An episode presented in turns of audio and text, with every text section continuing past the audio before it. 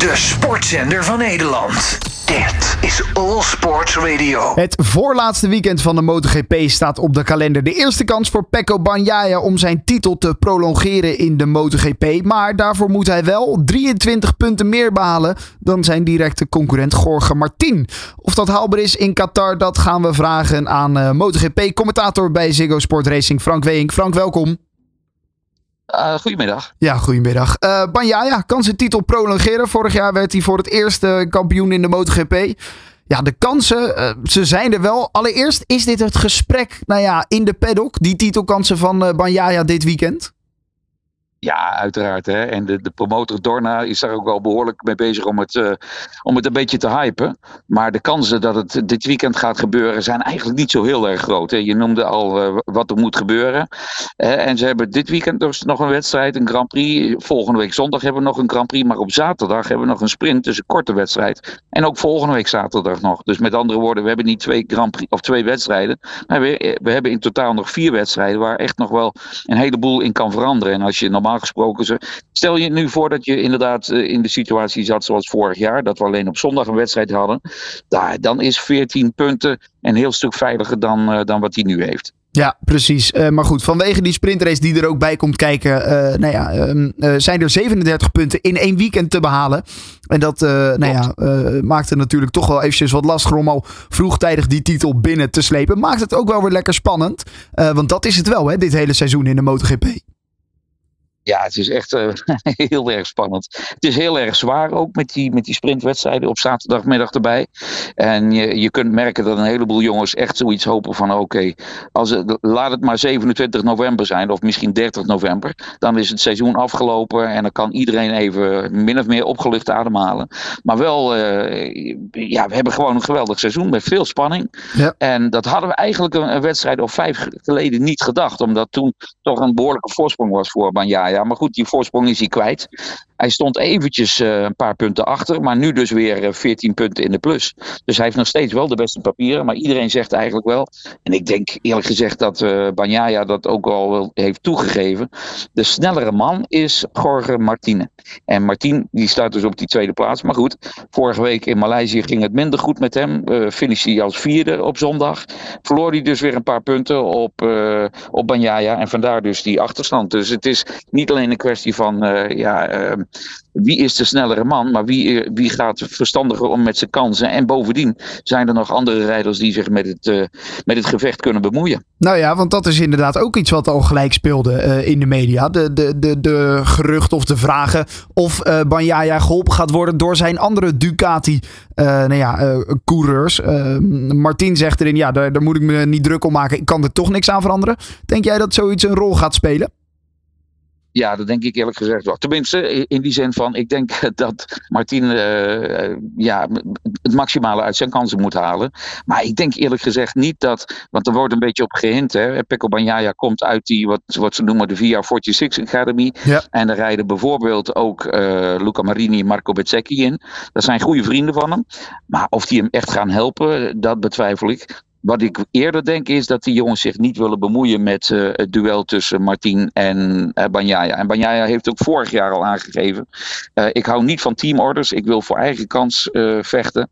En alleen in een uiterst geval, en dat zal dan misschien volgende week moeten gebeuren, zal Enea Bastianini, die niet in die VIA 46 Academy zit, maar die wel zijn, zijn teamgenoot is, die zal hem dan misschien, ja, misschien moeten helpen. Maar ja, Bastianini, die won vorige week de wedstrijd in, in Maleisië. En die is misschien ja, op het goede moment inderdaad weer heeft hij zijn vorm te pakken. Ja, inderdaad. Uh, gaan we het zo meteen nog wel even over hebben. Daarnaast over het circuit. Er is een nieuw asfalt eh, neergelegd hè, op deze baan. Wat voor invloed heeft dat op de rijders voor dit weekend? Ja, moeten we nog even wachten. Uh, over, wat is het, een kleine anderhalf uur, dan gaan we beginnen met de MotoGP. Op dit moment uh, zijn de jongens in de Moto3-klasse bezig met Colin Veijer. En die zitten op dit moment uh, een behoorlijk stuk, uh, een seconde of zes, boven de tijden van uh, zeg maar de recordtijden. En maar dat heeft met meerdere dingen te maken. Niet zozeer dat het asfalt slecht is, maar het heeft hier gisteravond vreselijk geregend en geonweerd. En het was echt noodweer hier.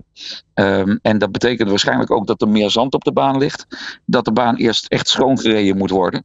Um, En dat betekent ook dat de MotoGP-coureurs straks eigenlijk maar één sessie hebben eh, in de avond. Waarin het allemaal moet gebeuren. En waarin ze zullen merken hoe de staat van de, ba uh, van de baan is. En wat het betekent voor de banden. Want er wordt aangenomen dat de bandenslijtage groter is dan dat die was hier in het verleden. En vandaar dat ook Michelin, de bandenleverancier, heeft meer verschillende compounds, meer verschillende rubbersamenstellingen meegenomen hier naar Qatar dan gebruikelijk is. Ja, is een van die twee, Pecco Bagnaia of Jorge Martin, dan nog beter in dat bandenmanagement? Wat een rol zou kunnen spelen misschien wel dit weekend? Ja, dat, is op zich wel een goede vraag. Want ik denk inderdaad dat normaal gesproken zou Banjaya de betere zijn uh, op dat vlak. Nou, we hebben een aantal wedstrijden geleden, of twee wedstrijden geleden gezien in Thailand. Dat Jorge Martin de wedstrijd controleerde. Zonder dat hij echt sneller was dan, uh, dan, uh, dan Banjaya. En toen heeft hij echt een hele slimme wedstrijd gereden. En we spraken gisteren met zijn crewchief. En die vond dat de beste wedstrijd tot nu toe van Martin. En ik denk dat dat ook wel klopt. Dus ik denk ook dat wat dat betreft dat ze wel redelijk aan elkaar, of redelijk, dat ze heel erg aan elkaar gebracht zijn. Ja, eh, spanning alom, want die twee die strijden natuurlijk om de wereldtitel. Maar er zijn er ook nog genoeg andere coureurs die uh, op de grid starten en uh, nou ja, er zomaar met de, de, de winst vandoor kunnen gaan dit weekend. Ik noem er even wat, wat namen. Zarco, Alex Marquez, Bastianini, die hem vorige week in Maleisië wist te winnen. Kortom, genoeg kanshebbers dit weekend om, een, om een racewinst te pakken ook. Ja, ja, ja, ja. Zarco zie ik daar eerlijk gezegd zelf niet helemaal bij. Maar er zijn inderdaad, uh, je noemt een paar Ducati-coureurs. Uh, en um, Bastianini won niet alleen vorige week, maar die won vorig jaar hier ook de wedstrijd. Dus dit is een circuit waar hij heel erg snel is. En ik denk ook dat we de KTM van Brad Binder niet moeten vergeten. Brad Binder werd hier vorig jaar tweede. En ondanks het feit dat hij vorige week in Maleisië niet zo sterk was, uh, is hij wel iemand die op dit circuit het goed kan doen, denk ik. En de KTM is beter dan vorig jaar. Dus um, ja, er zijn ik denk als je dat rijtje afgaat, een stuk of vier, vijf mensen die in ieder geval voor het podium kunnen gaan. Ja, uh, nu je het toch hebt over vorig jaar. Vorig jaar was dat moment dat Banjaya en Martin er samen afgingen. Uh, Banjaya die hem verloor uh, en Martin meenam in zijn val. Als dat dit jaar gaat gebeuren, levert dat ook wel spectaculaire beelden op, denk ik. Ja, maar goed, daar hopen we even niet op.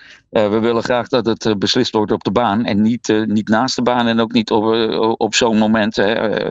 We hebben dat in de Formule 1 heel lang geleden al wel eens gezien. Met, ja. Als ik het goed heb, met Senna en, uh, en uh, Damon Hill. Of uh, Senna en Prost was dat volgens mij. En, ja, en ook klopt. met Schumacher en, en Damon Hill of zo. Maar ja, dat soort dingen hopen we hier in ieder geval dit weekend niet te zien. En ook volgende week in Valencia niet.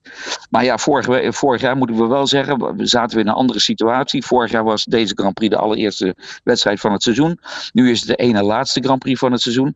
en vorig jaar zat Banyaya toch in een wat andere situatie. Misschien ook wel Jorge Martin hoor. Uh, want toen voelde hij zich op de machine niet zo heel erg goed.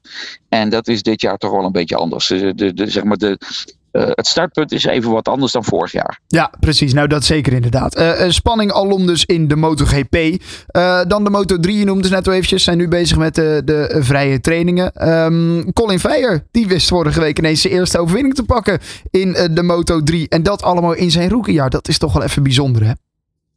Ja, dus is echt, je mag wel zeggen, voor Nederlandse begrippen zeker uh, sensationeel. En uh, we hebben hem gisteren uitgebreid gesproken en hij komt zo ontspannen over. Hij is overtuigd van zichzelf. Um, natuurlijk, vorige week ging het ook tussen hem en zijn teamgenoot uh, Sasaki. En die jongen die rijdt voor de wereldtitel.